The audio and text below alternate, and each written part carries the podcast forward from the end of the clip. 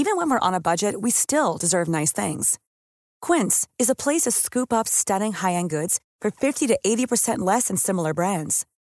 They have buttery soft cashmere sweaters starting at $50, luxurious Italian leather bags, and so much more. Plus, Quince only works with factories that use safe, ethical, and responsible manufacturing. Get the high-end goods you'll love without the high price tag with Quince. Go to quince.com slash style for free shipping and 365-day returns. Karoline, jeg er simpelthen stadigvæk på vores wifi, kan jeg se. Der er godt nok kun én streg, men alligevel. Hernede? Ja, vi Det er står, alligevel vildt nok. ja, vi øh, står nede i porten i vores ejendom. Ja. Vores wifi router, det hedder det vel stadigvæk, ikke? Jo, det vil jeg da sige. Ja. Det hedder, det har du vel ret i, det tror jeg, det hedder. Vi har fået øh, en 5G wifi router for træ, så Ja. vi får øh, internet gennem luften. Og det er ret vildt, den virker også helt hernede på gaden og i porten. Det er alligevel utroligt. Ja, grunden til, at vi nævner vores wifi, er jo fordi, at 3 er vores samarbejdspartner. Og har været det længe. Er vi Over et glade for det? Ja, det tror jeg nok, ja. Og det er jo bare fedt, at uh, samarbejdet udvider sig til mere end bare, når vi er ude at rejse, men også til wifi herhjemme nu. Det er skønt. Nå, Vi er på vej. Det er vi. Vi skal ikke så langt. Nej, vi er på vores uh, nu foretrukne Transportmiddel. ja, rejsetransportmiddel. Du Cyklen. Christiania-cyklen, hvor du er, hvor du har vores podcastudstyr, og så Ja. er jeg på min gamle havelåge. Det må man Det er sige. godt, solen skinner, fordi uh, at skærmene de er rustet af. Men sådan er det. Når man bruger alle sine penge på at rejse, så må noget af det andet falde lidt fra Ja, hinanden. simpelthen. Hvem er det, vi skal over og lave podcast med? Vi skal over til Sarah Grønevald Vild med dansverden.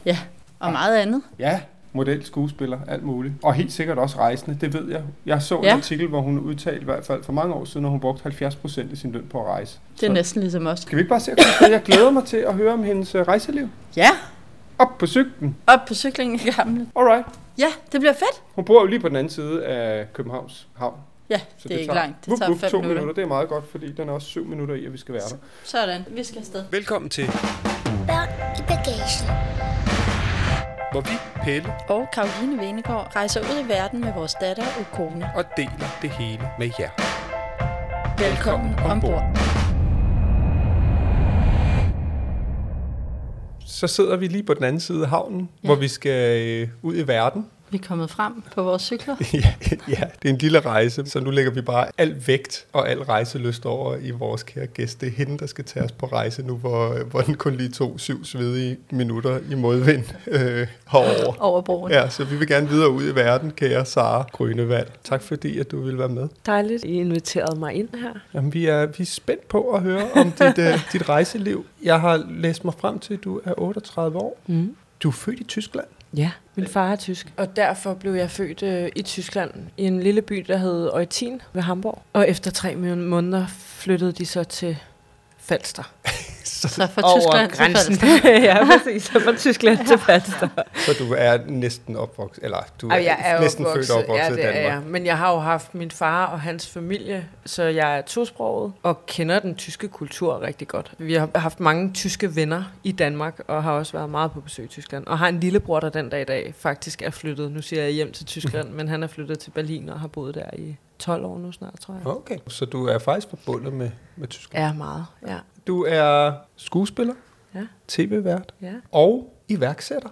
ja, det hedder det jo så fint. Marketingsdirektør kan man vel egentlig også kalde mig. Det er der nogen, der kalder mig. Jeg synes, det lyder lidt kedeligt fint. Jeg er mere interesseret i, hvad det er, I laver. Ja, det vil jeg også. De der titler, det kan sgu dække over så meget. Jamen, vi, øh, vi laver sportstøj, og vi laver sportstøj, som er recycled. Det hedder Redo, og det er lavet ud af... Der er jo nogle plastikfibre i alt tøj, og det her, det er simpelthen lavet af recycled plastik. Økologisk bomuld. Så er vi så sustainable, som vi overhovedet kan være. Fordi at tøjbranchen jo i forvejen bare er en skændsel for vores klode. Så øh, når nu man skal kaste sig ud i noget, så... Øh, hvis man skal det, og det har jeg jo valgt at gøre, så vil jeg gerne gøre det ordentligt. Og så er det også med henblik på, at Redo skal være mere end bare et tøjbrand. Jeg vil rigtig gerne have, at det på et tidspunkt er et univers, hvor vi hjælper gadebørn, blandt andet i Indien. Fordi det, det er det, jeg har lært gennem rejser, at sport kan. At sport kan? Ja, at sport kan. Altså, og det går hånd i hånd med, at vi laver sportstøj. Vi vil rigtig gerne ned og lave, lave sportsskoler. Det er min, sådan, øh, når man har det, der hedder et vision board og et dream board, så er det det for mig, det er, at vi laver en masse redo-skoler på sigt, ikke? når der er på et tidspunkt forhåbentlig er økonomi til det. Det er et virkelig fedt projekt. Hvor kan man købe tøjet hen? Intersport og på vores egen web. Det bliver forhandlet en masse steder snart. Nå, fedt. Jeg tænker, så skal vi høre lidt om, nu siger du, at når man rejser, og man opdager, at der er gadebørn og sådan noget ja. I verden. Det, det skal vi så også høre om, Ja. tænker jeg, øh, hvad du har været ude og opleve. Men inden da, så er der også mange, der kender dig for Vild med Dans. Det er i gang lige nu. Ja, Øh, det er også det er derfor, det. det er meget stort, du vil bruge tid på, på os, og Ja, på at tage os før. på en lille rejse. Ja. Du har en søn, Louis, Det har jeg. 6 år, Ja.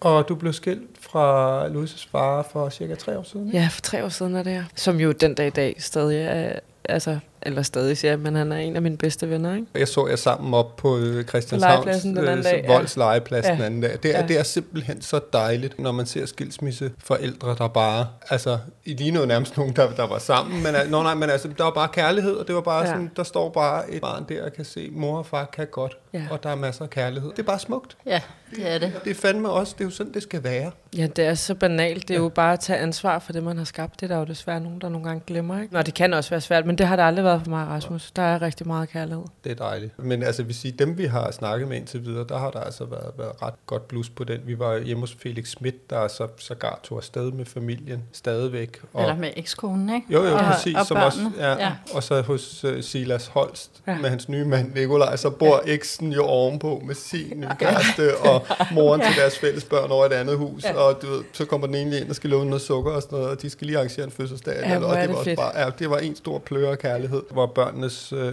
vel og ved var i centrum. Ja, Og så må forældrene fandme finde ud af Ja. det. jo. Og hvor er det også fedt et eller andet sted, at det er folk, som er nu bruger jeg et grimt ord, men sådan offentlig kendte mennesker, som på den måde kan inspirere og gå forrest på det her, fordi bare 10-15 år siden, der var det jo stadig tabu, at man gik fra hinanden, og der var børn involveret, ikke? og man talte ikke så meget om skilsmisser. Så jeg synes, det er så fint, når det er nogen, der rent faktisk har et talerør, som går ud og bruger det til netop det Ja. her. Ikke? Og det må man sige, de gør. Altså, Ja, de er virkelig helt gode vildt. til det. Ja. Det er sgu også den forpligtelse, synes jeg, man har, når man bliver forældre. Prøv at høre, Ja. de børn, det har sgu ikke bedt om, hverken at blive født, og heller ikke, hvis øh, forældrene er sådan nogle tosser, der ikke kan finde ud af det, men så må det. de fandme gøre det på en ordentlig måde. Nå, lad os droppe det, men blive ved børnene. Vi skal spole øh, tiden tilbage til lille Sara. Ja. Vi starter altid med sådan lige at høre, hvordan er du selv vokset op med det her rejse? Min mor, hun er, eller hun var stewardesse hos SAS, var faktisk en af de yngste, der blev ansat, da hun var 18 år. Så hun har arbejdet som SAS som stewardesse, og gjorde det også, da hun fik både mig og min lillebror. Og det gjorde, at min lillebror og jeg jo altid har rejst meget med min mor på de her ID-billetter. Hvad var det? ID-billetter er personalebilletter. Og i gamle dage,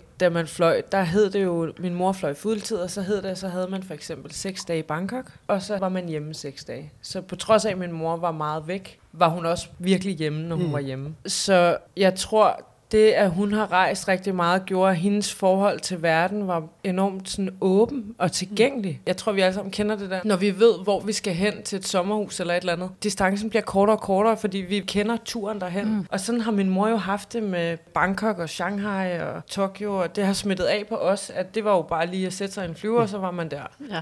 Kan du huske, hvor du var henne? Sådan den første rejse, tror jeg, der står mest tydeligt for mig, der var jeg ni år gammel og fløj med hende til Seattle, hvor vi så tog op i bjergene og stod på ski. Nej, hvor fedt.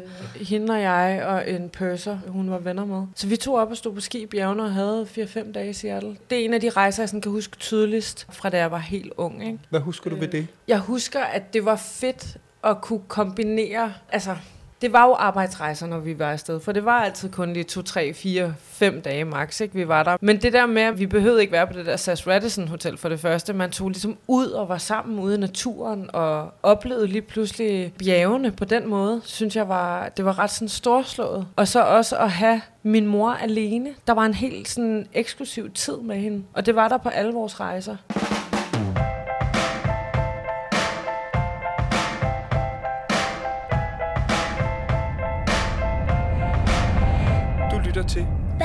Bagagen. Det, der har været så fedt ved, at, at min mor har kendt verden så godt, som hun har, det er, at vi har aldrig lært en by at kende på overfladen. Min mor har altid sørget for, at vi, vi gik aldrig på de fine restauranter. Vi fandt de bedste gadekøkkener. Altså man dykkede ligesom ned i undergrunden i alle byerne. Jeg har jo gennem det også bare lært, at man, hvis man gør sig umage, mm. så kan man jo virkelig finde perler. Og perler for mig, det er ikke der, hvor alle de andre turister kommer. Altså det er virkelig der, hvor jeg kan få lov til at føle, at jeg er en lille smule lokal, ja. uden at være det. Ikke? Men det var fordi, hun nærmest var lokal i, i, i alle de byer rundt i verden. Fuldstændig. Gud, sikke en gave. Det var slet ikke klar Kæmpe over. gave, ja. Det må også have været vildt sjovt at være med mor på arbejde. Ja, altså, det, må var også have været vidunderligt. specielt. Ja, altså fra da jeg var 0 til 10, der havde min far rigtig mange penge. Det var før, at vi mistede vores penge dengang. Uh, han gik konkurs, da jeg var cirka 10 år. Men der havde vi mange sådan luksusrejser. Okay. Og der husker jeg meget de her sådan femstjernede hoteller, hvor man skulle have pænt tøj på om aftenen, og det hele var en lille smule strangent og, og meget sådan fint. Det var måske ikke så børnevenligt, selvom der var en kids club altid. Det var lidt ligesom at gå til de der fashionfester, hvor rige folk og modefolk samles, men der er ikke rigtig nogen, der rigtig har det sjovt. Men det hele er rigtigt. man skal passe på, man ser ikke vælter et rigtigt- glas, Det hele, og- ja, præcis. Det Ja. hele ser rigtigt ud, ikke? Og nu spurgte du mig før, hvad jeg sådan husker mest ved Seattle, og jeg tror, det var der, hvor jeg sådan brød ud af den. Fordi min mor har også en side, der hedder en dåse leverpostej og noget rugbrød. Fordi da jeg var 10 år, mister min far hans formue. Og det var min mor, der så måtte hive pengene hjem. Så der begyndte vi at rejse på budget. Og der havde min mor rugbrød med og en lille dåse leverpostej med. Ikke? Og så begyndte vi at rejse på den måde. Men det var bare for mig meget mere hyggeligt. Det husker jeg bare på ja. en eller anden måde som mere hyggeligt. Dejlige rejsebarndom. Jeg skulle til at spørge, om, om dine forældre så var skilt eller sådan noget, men det, det var de ikke. De var Nej, nej, sammen. nej, de er stadig, og de Ja. stadig sammen den dag i dag. Du er, må man sige, opdraget med at rejse. Ja, altså helt vildt, ja. Det er. Og så blev jeg jo selv, jeg blev model, da jeg var 17-18 år gammel, mm. og begyndte selv at rejse alene, og bor jo faktisk i udlandet i frem til jeg er 28. Fra 18 til 28, ikke? Prøv at fortælle om det, fordi det var netop det næste at sige, nu ved vi, du er blevet podet med verden. Ja. Så bliver Sara halvvoksen, Ja. øh, eller hvad man gør. Hvad, Ja. hvad, hvad sker der så? Jamen, jeg blev opdaget af et modelbureau og får tilbuddet om at komme øh, tre uger til Paris. Og øh, jeg kan huske, at min modelmor på det tidspunkt siger, at vi kan godt tage din mor ind til en samtale om det her med at rejse. Og hvor jeg bare kan huske, at, at jeg sagde, at det behøver jeg overhovedet ikke. Altså, det har hun det fint med, ikke? Og jeg kan også huske min mor, jeg ligesom ringer og siger, at jeg skal afsted, hvor hun siger, skal du bruge nogle af mine ID-billetter, eller klarer de den? Eller, altså, der var ikke noget med, puha, nu skal du passe på dig selv. Eller der, var, der, der lå ligesom bare sådan en sådan indgroet, det kommer du til at klare fint. Så jeg rejste til Paris, og så øh, kom jeg faktisk ikke rigtig hjem i, i 10-12 år. Fordi Hold jeg endte med at bounce. Jeg fik en lejlighed i Paris, og endte så med at bounce lidt rundt derfra. Det vil sige, at jeg boede et år i Israel også. Boede i Milano i et halvt år. Boede i Tel Aviv i et år. Kom tilbage til Paris, og i en alder af 27 blev jeg rigtig træt af at rejse, og var, var egentlig sådan lidt træt af at være model på det tidspunkt, og der får jeg et job på Bali. Så jeg flyver til Indonesien, er på Bali, møder en fyr, og beslutter mig for, at jeg ikke har lyst til at komme hjem. Så jeg blev på Bali i 16 måneder, og boede der i en bambushytte nede på stranden, og havde det så dejligt. Hvad lavede, hvad lavede Jeg samlede tang, øh, og det lyder mærkeligt, men der var, det, det gør man mange steder på Bali, der samler de tang, og så bliver det sendt til, til London, hvor det bliver lavet, altså til England, hvor de laver kosmetik ud af det, og laver, og laver de der sponges, man kender de der små svampe. Ja. Og jeg mødte nogle ældre damer på stranden, som havde de her sivhytter, og jeg fik lov til at bo der, hvis jeg så bare hjalp dem en gang med, med det der tang. Og så havde jeg en god ven fra, fra Canada, der havde et surfsted og en juicebar, så kunne jeg hjælpe ham lidt også, så jeg fik ligesom pengene til at løbe rundt, og behøvede ikke særlig meget. Jeg havde min scooter, og, og så var jeg der. Nej, hvor lyder det fedt. Det er virkelig et eventyr. Ja, det var et kæmpe eventyr, ja. Men også et vildt skift fra en modelverden, hvor du sikkert tjente ret godt. Ja, altså det fede var faktisk, at jeg jo lige pludselig var der jo en model på Bali, og det vil jo sige, at når de tyske kunder stod og skulle bruge en undertøjsmodel, eller en, bare en model, eller de franske kunder, så vidste agenturet, at jeg var der. Så nogle gange om året lavede jeg jo stadig de store kampagner. Jeg lavede dem så bare fra mit hjem, som på det tidspunkt var Indonesien, ikke? Nå, hvor magisk. hvor har du været omkring? Ja. Hvorfor blev du ikke der? Fordi min, øh, min lillebror fik kørekort. Nej, det lyder Så kom han mærkeligt. kørende. Nu kommer du hjem. Nej, jeg, jeg kan simpelthen huske, jeg kan huske det opkald, jeg får med, at min lillebror har fået kørekort. Jeg kan huske, at jeg lige pludselig følte, at min familie rykkede sig og blev ældre, og der skete en masse ting, og jeg var ikke en del af det. Jeg tror, det var, en, sådan en, det var simpelthen sådan en rodløshed, jeg lidt fik, og, og blev måske også lidt ensom. Ja, så jeg, jeg besluttede mig for at, at flyve hjem, og det var fandme mærkeligt. Der fik jeg en lejlighed ude i Bagsvær landet derude. Der var ikke særlig eksotisk på det tidspunkt, kan jeg huske. Fra Sivhytte på Bali til Bagsvær. 27 og havde været væk i 10 år. Ja, det havde jeg faktisk sådan i 10 år, ikke? Ja. Så der rammer, man kan man sige, virkeligheden, eller Ja, det det, der jo også er livet, familie Ja. og, og Ja. alt sådan noget. Bare bum. Ja, og så tror jeg også, mine, de venner, jeg havde i Indonesien, min gode ven i Canada fik børn, eller fra Canada, som, som var på juicebarn, fik børn, og der var jo folk, der danner familie, det gør man, når man kommer op i alderen, og lige pludselig så var jeg jo bare hende pigen, der bare gik rundt og samlede tang, og ikke rigtig måske lige... Jeg, jeg havde brug for den pause, og så kunne jeg mærke, at den pause var slut.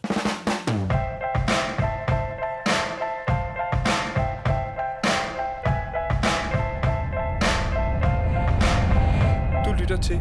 Børn i bagagen. Så du lander i Danmark godt brun og skide god til at plukke tang ja. Og hvad så? Havde du en plan? Nej, øh, faktisk lige da jeg lander, møder jeg en fyr, og, og, og vi blev kærester, og det, og det gik rigtig dårligt. Og vi var kærester i tre måneder. Jeg havde alle mine ting opbevaret i hans... Øh, jeg boede jo ikke noget. Jeg havde jo ikke nogen ting sådan rigtigt, men, men øh, det jeg havde var opbevaret i en container, han havde. Og så kan jeg huske, der var skybrud. Alle mine ting blev, blev våde og rådnet, og alt var lort. Og så ringer TV2 til mig og siger, vi vil gerne have dig til en casting på Vild med Dans. Jeg havde ikke nogen penge. Jeg havde intet. Og jeg kan huske, at jeg ringer til min mor og siger, at du bliver nødt til at låne mig 36 kroner til en togbillet. Jeg skal ind til det kongelige teater, og jeg skal levere en casting. Det er der faktisk ikke nogen, der ved det her. Det var ikke et godt forhold, jeg var i det på det tidspunkt. Og jeg havde det rigtig skidt. Og jeg kan huske, at jeg tærpede manus i to dage. Så jeg vidste bare, at jeg kunne det. Jeg havde ikke prøvet det her før. Og så kom jeg ind, dengang var casting inde på det kongelige teater, og så fik jeg den her sorte kjole på og en rød læbestift, og så stod Claus Elming der. Og så leverede jeg den her casting, og så ringede de til mig. Tre uger efter øh, fik jeg at vide, at jeg havde fået jobbet. Samme eftermiddag ringer en af mine gode venner Jeppe og siger, at jeg har skaffet dig en lejlighed på Havserplads til 10.000. Og det var altså billigt også dengang. Altså sådan, så fik jeg den lejlighed om eftermiddagen og kunne flytte ind to dage efter. Og så møder jeg Rasmus 14 dage efter det. Wow. Ja. Det var bare ting, der Fuldstændig. i, i hak, klik, ja, klik, fuldstændig. klik. Ja. Ja. Og så rejser jeg jo rigtig meget med Rasmus, på trods af, at han kunne ikke lide at rejse særlig meget. Men der, han, eller han, det kunne han godt, men han, han er sådan en basefyr. Han har været otte år i, i Barcelona. Og han kan godt lide, når han kan komme et sted hen, hvor han kender smagen og duften og vejen. Og Og hvad er du drevet af? jeg er drevet af, af alt det nye. Nysgerrigheden. Jeg kan ikke holde ud og gå på den samme vej for mange gange. Jeg har brug for at blive udvidet i min horisont hele tiden. Er det det, du, du får ud af at rejse, eller det, du bruger rejser til? Jeg bruger rejser til at lære nye steder om mig selv, tror jeg. Ja. Også altså sådan helt egoistisk set. Ja, jeg bruger rigtig meget rejser til at komme hjem. Det skal du lige forklare. Ja. Jeg er i min lejlighed her, som I jo sidder i nu, og, og det er jo den udgave af mig, der er her. Men jeg kan bedst mærke, at jeg har rykket mig, når jeg er ude og kommer hjem igen. Jeg kan godt være på en rejse et sted, og jeg kan synes, det er magisk, og jeg kan synes, det er dejligt og alt muligt. Men den følelse, jeg får, når jeg kommer hjem, hvor jeg kan mærke, at det lige pludselig er en ny udgave af mig, det kan den her lejlighed hjælpe mig med at mærke. Fordi det her, det er en setting, jeg kender så godt, og den kender mig så godt. Jeg indretter tit mit hjem på ny, når jeg kommer hjem efter okay. de her lange rejser. Jeg kan mærke, er der sket noget nyt, og jeg har brug for nogle nye ting i mit køkken og mad. Og jeg elsker at komme hjem fra en rejse. Altså, jeg elsker det. Og det er ikke København. Det er ikke det der. Det, det er at komme hjem i mine rammer, hvor jeg kan mærke mig selv. Så du er ude for at suge til dit liv herhjemme. Ja, det er. Du drømmer ikke længere om at, at så tage, ud, tage livet ud i verden igen? Jo, det gør jeg. Men det er jo forbandelsen ved at være skilt. Og have en, en dreng på 7-7 basis, ikke? som Ja. ja. jeg er med, med Rasmus og med Louis. Jeg ville vildt gerne øh, have en, et sted, jeg kunne tage hen en måned eller to hvert år. Men jeg kan ikke undvære min søn i to måneder. Og Rasmus kan ikke undvære ham i to måneder. Altså, så, så sådan er det bare. Det trumfer alt. Det trumfer alt. Lad os lige så spole øh, tilbage til, nu sagde du, I rejste meget, dig og Rasmus, der med Ja. hinanden. Hvad gjorde I der? Det var jo så dig, der var driveren. Jamen altså, for det første så, øh, vi, vi jeg tog med Rasmus til Thailand. Jeg tror aldrig, han har været så lang tid i en flyver før. Altså, vi, vi, øh, vi tager til Thailand sammen, og jeg kender jo, altså Bangkok er nok den by, jeg kender allerbedst, altså ud over København. Ikke? Vi kommer til Thailand og, og lander i Bangkok, og det var en kæmpe oplevelse lige pludselig at opleve Thailand igennem et menneske, der ikke har oplevet Thailand før. Og det er jo en kæmpe forskel, ikke? Det er jo temperatur, dufte ja. og lyde. Det er jo en helt anden verden, Ja, ikke? det er alle sanserne, der bare bliver, øh, der eksploderer. Ja. ikke? Du grinede, da du tænkte på det, var? Ja, men det er fordi, jeg kan huske, Rasmus kommer op til poolen efter vores første dag, og så jeg har ligget og sovet jetlag ud, og han kommer op, og så siger han, Sara, det er, det er ret vildt det her. Øh, jeg har en fuldstændig sindssyg connection med de her mennesker. Alle smiler til mig. altså, jeg er lige gået ned af sukumvitten, og jeg har, alle siger hej, alle grin. Jeg kan bare mærke, der er en helt vild kemi, og jeg vil ikke tage den der fra ham. Nej. altså, jeg, jeg, jeg nægtede simpelthen at sige, prøv at høre, det, det gør de simpelthen med os alle sammen. Ja. Øh, fordi sådan er de jo, de er jo imødekommende og søde og dejlige, men han synes, det var magisk Altså, og han elskede det, ikke? Og sådan havde vi det bare, altså sådan, sådan var det bare med mange ting. Altså sådan første gang, han får skåret en ananas, altså at se ham og øh, en mango og sidde og, altså det, det er jo det, det, det der simple tilfredsstillende, der er i Thailand med, at alt smager mere. Der skal ikke så meget til, før man får sådan nogle sanseorgasmer. Det er et meget smart sted at tage en hen, som ikke har rejst så meget. Ja, Fordi det er svært ikke at holde af, ikke? jo. Det var jo også, må have været lidt nervepirrende, ikke?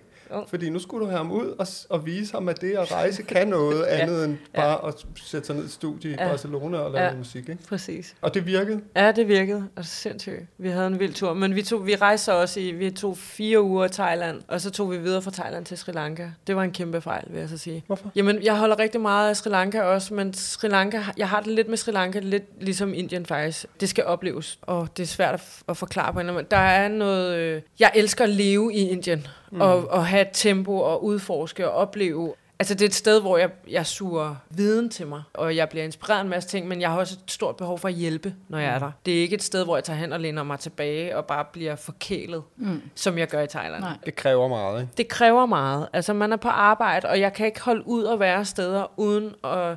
Jeg får en instant lyst til at gøre noget, og hjælpe og gøre en forskel. Hvad er det, du ser dernede, du får lyst til at gøre en forskel i forhold til? Indien er det gadebørnene, som jeg virkelig har et, øh, et stort hjerte for, og, og rigtig gerne vil gøre en forskel for. Og, og det er jo også, fordi de er, det kræver ikke så mange ressourcer igen. Man kan godt hjælpe lidt. Men prøv at fortælle om dit møde med, med gadebørn i Indien første gang. Jamen, jeg har en, en min ældste tyske veninde, er 65 år gammel, og en vidunderlig kvinde, som har et øh, børnehjem på Goa. Hun får kraft for 15 år siden og får en stor udbetaling. Hendes mand dør året inden, og hun får en stor arv, og hun vælger at flytte til Goa og bygge et børnehjem. Jeg har så besøgt hende i Goa flere gange.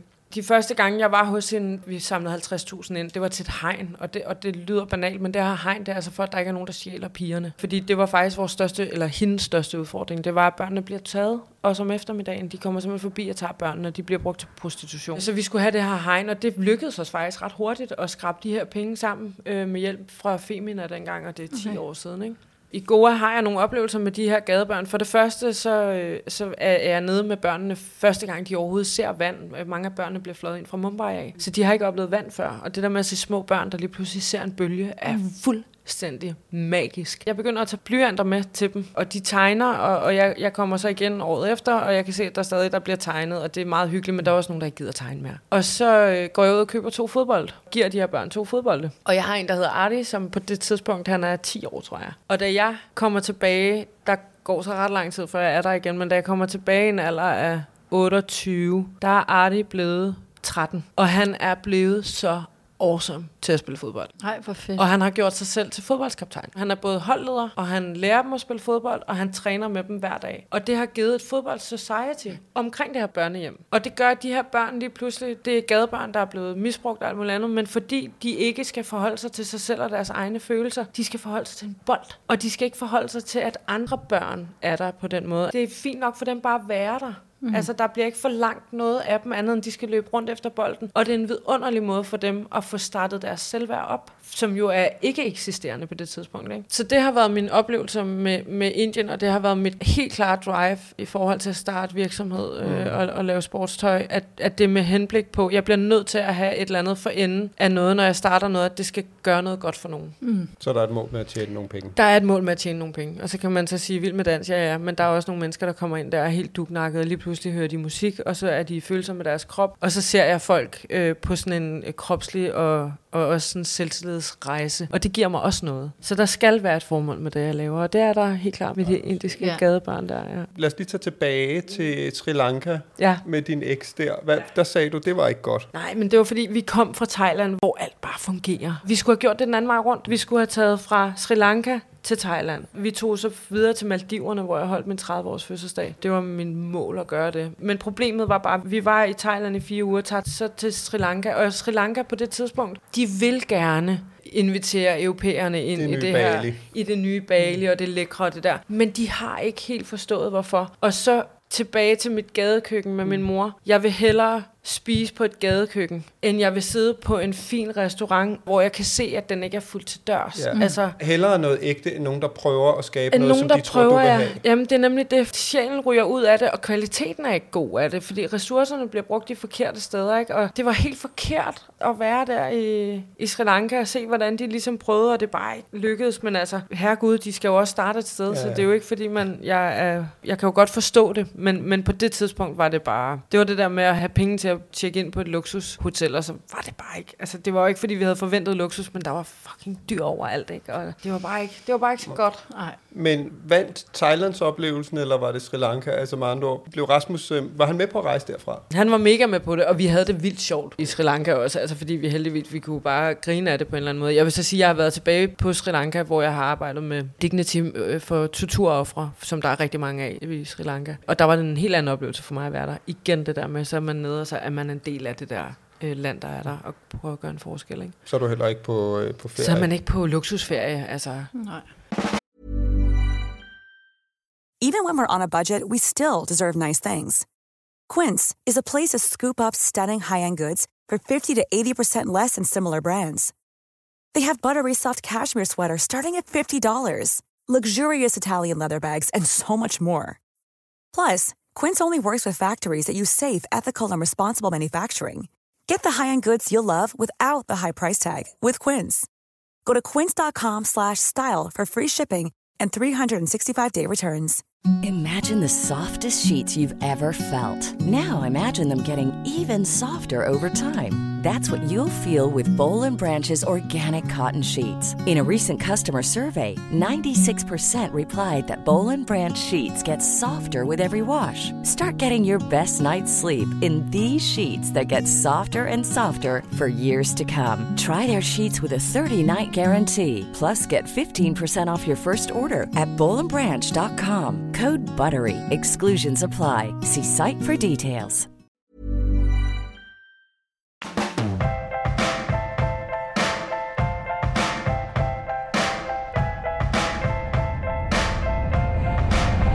Du lytter til. Børn i bagagen. Lad os bare lige hurtigt løbe igennem, hvad I så gør, dig og Rasmus, inden ja. I bliver forældre. Hvordan får I rejst der? Vi er i Thailand. Jeg tror faktisk, vi rammer Thailand to gange. Har Sri Lanka, Maldiverne. Så tager vi til Caracas, som er... Hvis jeg skal nævne en perle, jeg har i Europa, så er det Caracas. Hvor og der er ikke henne? særlig mange, der kender Caracas. Det ligger i Spanien. Det ligger en time og 40 minutter væk fra Barcelona. Caracas er en lille havneby, hvor at, øh, Dali havde hans øh, værksted i gamle, gamle dage. Det er sådan en øh, boheme-by, hvor at alle huse er fra, nu siger jeg 1800-tallet, men det tror jeg faktisk, de er. Det er sådan en fisker- og strandby på en eller anden måde. Der er kun lækre restauranter. Det er frisk fisk. Det er friske råvarer. Altså lækker restaurant for mig, det er ikke Michelin. Det er bare noget, hvor der er, der er lækre øh, råvarer. Ja. Altså, og der er nogen, der har gjort sig umage. Ikke? De har ind, på en eller anden måde forstået essensen af lækker belysning, virkelig god mad og hyggelig musik. Altså, der er hele tiden sådan en summe af sådan lidt spansk guitar i baggrunden, når man går. Og det er et vidunderligt sted. Og så er der kun spanier, der tager på ferie. Nej, det lyder fedt. Altså de der perler rundt omkring i verden, hvor folk er for deres egen skyld. Mm. De har også, de laver jo ikke en kaffebar for, at nogle turister skal have det fedt. De laver en kaffebar, fordi de ja. selv skal have det fucking fedt. Ikke? Eller de der restauranter, det er jo fandme også nogle, de selv skal spise på. Ikke? Ja, præcis. Og være stolte af. Ja. Og, og, og, hvis du i øvrigt ikke kan lide det, så kan du bare finde et andet sted. Ja, Ikke? præcis. Det er lavet med passion og ikke Ja. profit for øje. Ikke? Okay, Ja. Caracas, det er hermed sagt videre. Ja.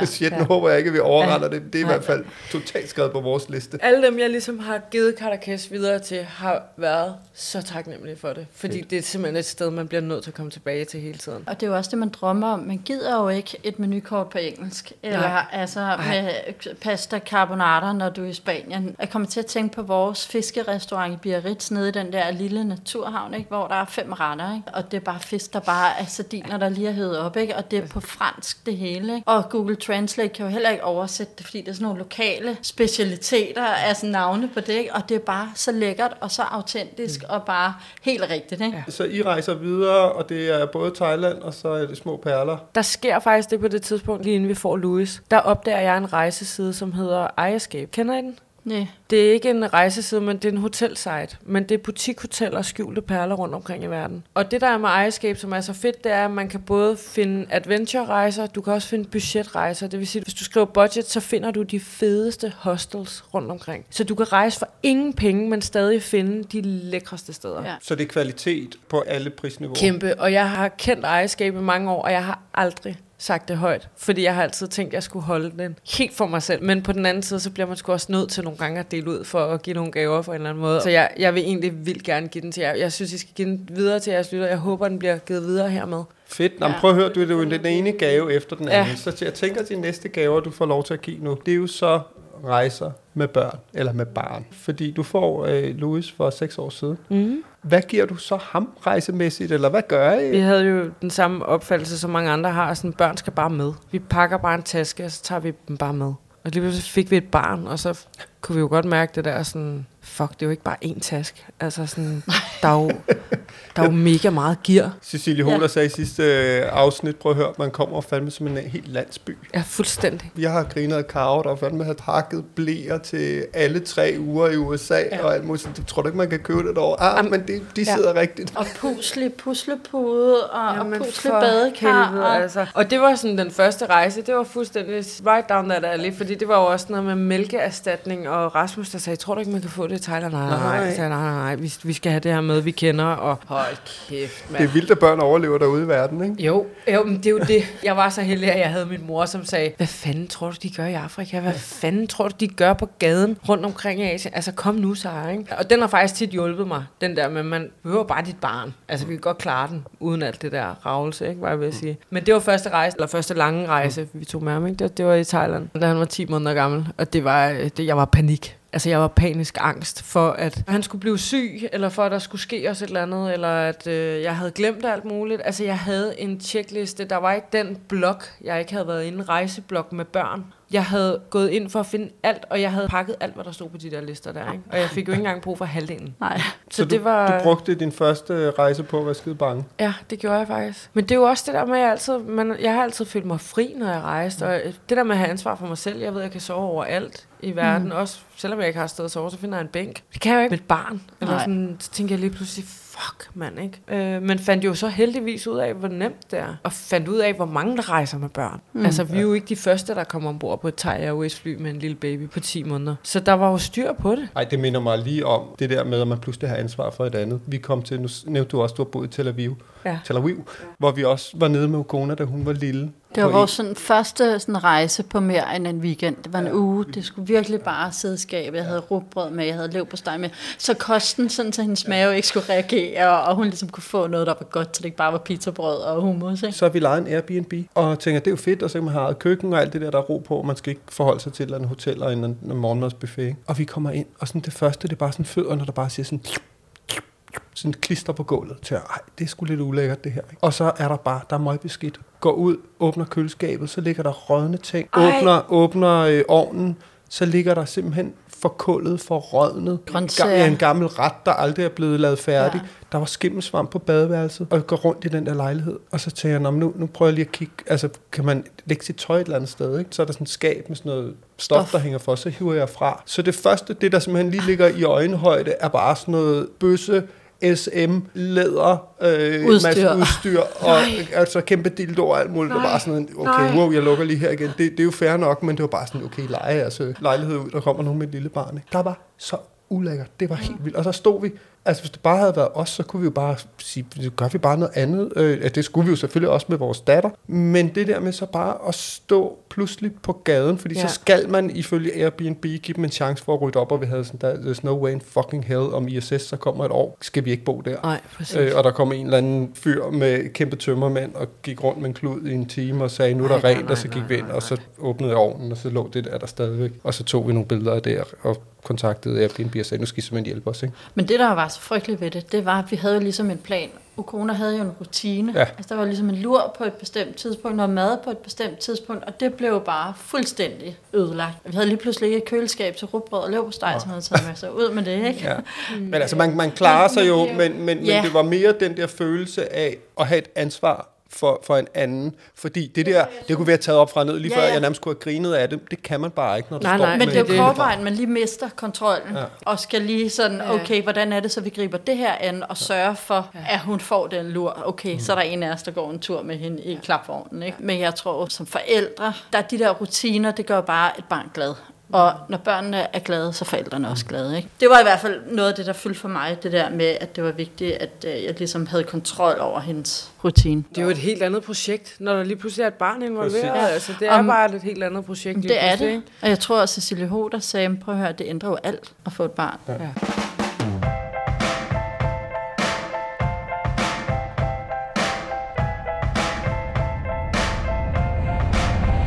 Du lytter til Børn i bagagen. Nå, men, men det var, det var totalt sidespor. Men øh, I til Thailand, du har øh, ondt i maven en hel tur, så siger din mor, at du må kraftigt tage dig sammen. Eller hvad der sker. Ja. Øh, men hvad sker der så? Stopper I så med at rejse, eller finder I en anden Nej, nej, nej, nej, nej. Vi har rejst rigtig meget med ham. Vi gik fra at være i Thailand der, og så har vi ikke haft nogen lange ture med ham siden. Og lange ture, der mener jeg altså Asien eller sådan noget plus 10 timer øh, ture. Ikke? Vi fandt ud af efter vores Thailand-tur, at det ikke krævede særlig meget mm. at rejse med et barn. Jeg fik skruet helt ned for de der forventninger om, at alt skulle være perfekt, fordi det kan det ikke blive. Og så, så tror jeg bare, det, det hjalp mig lidt at finde ud af, at selv i Thailand har de mælkeerstatning. Sådan, så, så jeg ved jo nu, når jeg flyver til Barcelona, selvfølgelig er der det. Det lærte jeg bare meget hurtigt af den Thailand-tur, ikke? fordi alt fungerede, da vi var i Thailand med Louis. Så når det fungerer der, så fungerer det mange steder. Ikke? Der begyndte jeg at kunne leve efter det der, folk siger, at vi tager bare afsted. Altså, vi pakker bare en taske, og så tager vi afsted, ikke? Ja, og så bliver I jo skilt. Ja, så bliver vi skilt, øh, Rasmus og jeg. Og det gør jo så lige pludselig, at jeg begynder at...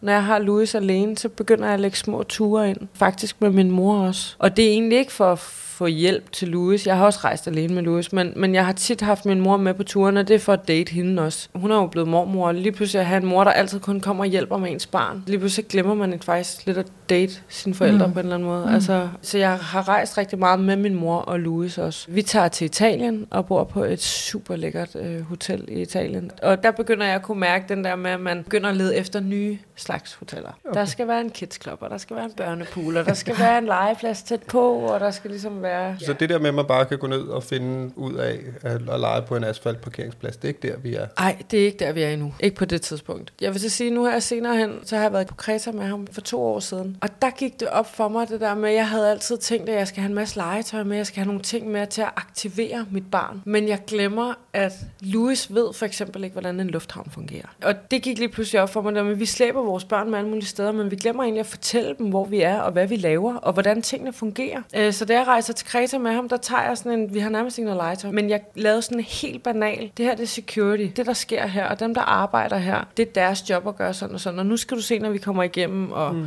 de her trolleyvogne, det er fordi, der er gates, der er langt væk. Så kan man tage sådan en vogn og putte sin bagage op på, og han var vildt interesseret i det. Men det er sådan noget, vi andre, vi tager for givet, at der er en trolleyvogn, eller der står nogen med, med gule veste. Vi glemmer at informere vores børn om det, ikke? Og han faldt vel også til ro i det, ikke? Totalt, ja. altså. Og det er i virkeligheden er fandme også et godt råd at give videre. Man glemmer nogle gange, at ens børn altså opdager verden for første gang. Ikke? Præcis. Og Det er jo både herhjemme, men i særdeleshed også, når man rejser. Ja. Vi, vi prøver også at sidde nu, og ligesom, her skal vi bo, og nu ved hun godt det med lufthavn efterhånden og sådan noget, men hvordan kommer vi fra det ene til det andet, og hvad er plan? Altså, fordi op i hendes hoved, Ja. hjælp hende lige lidt på Ja. vej, fordi alt det, vi andre tager for givet, det ved de ikke. Plus, de kan jo så også få lov at få noget medbestemmelse, ikke? Mm. Og så bliver det bare en federe tur. Ja, fordi så har du et barn, det. et barn, der ikke er i Ja. konstant alarmberedskab, fordi det er jo en forandring at Ja. komme ud, ikke? Og vi tænker bare, at det er jo bare fedt. Ah, det er også voldsomt. Ja, men helt hvis de vildt. er forberedt på det, så kan det blive Ja. rigtig fint. Jeg kan mærke det der med, når jeg er afsted med Louis, at de første to-tre dage, det tog mig noget tid at lære, fordi de første to-tre dage, der var han altid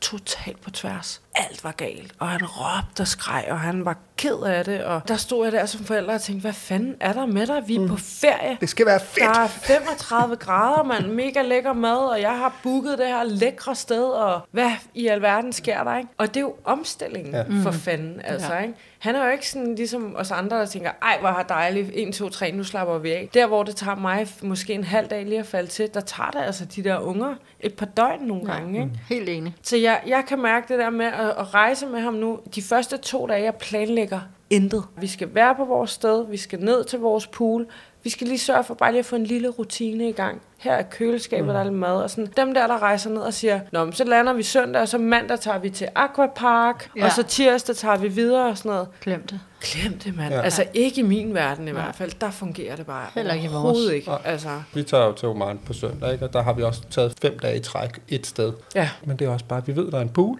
og det bliver det, hun skal ja. Ja. forholde sig til i hvert fald de første to dage. Ikke? Og så Ja. kan det være, at vi kan gå ud og finde en kamel på tredje dagen, og så Ja. er det oplevelser nok. Ja. Ikke? Jo.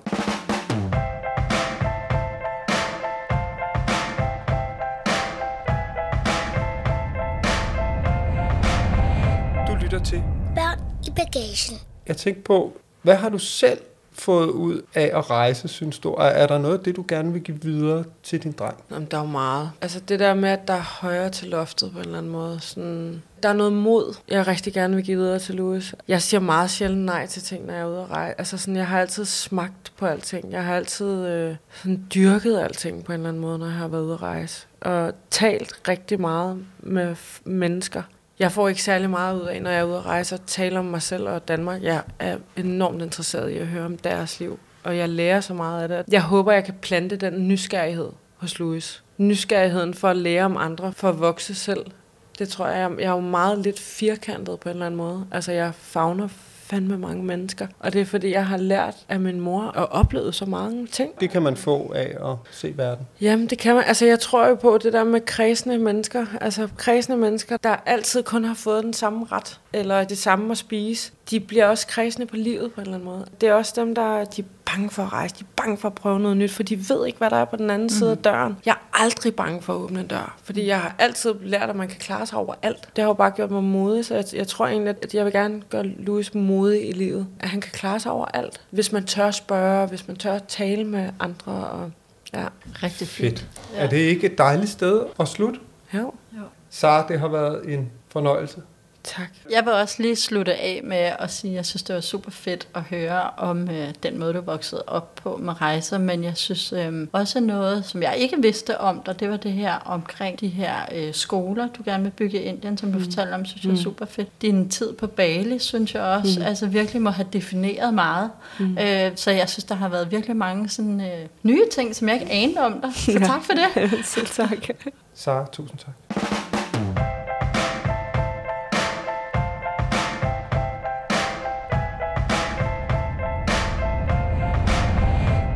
Til. Børn i bagagen.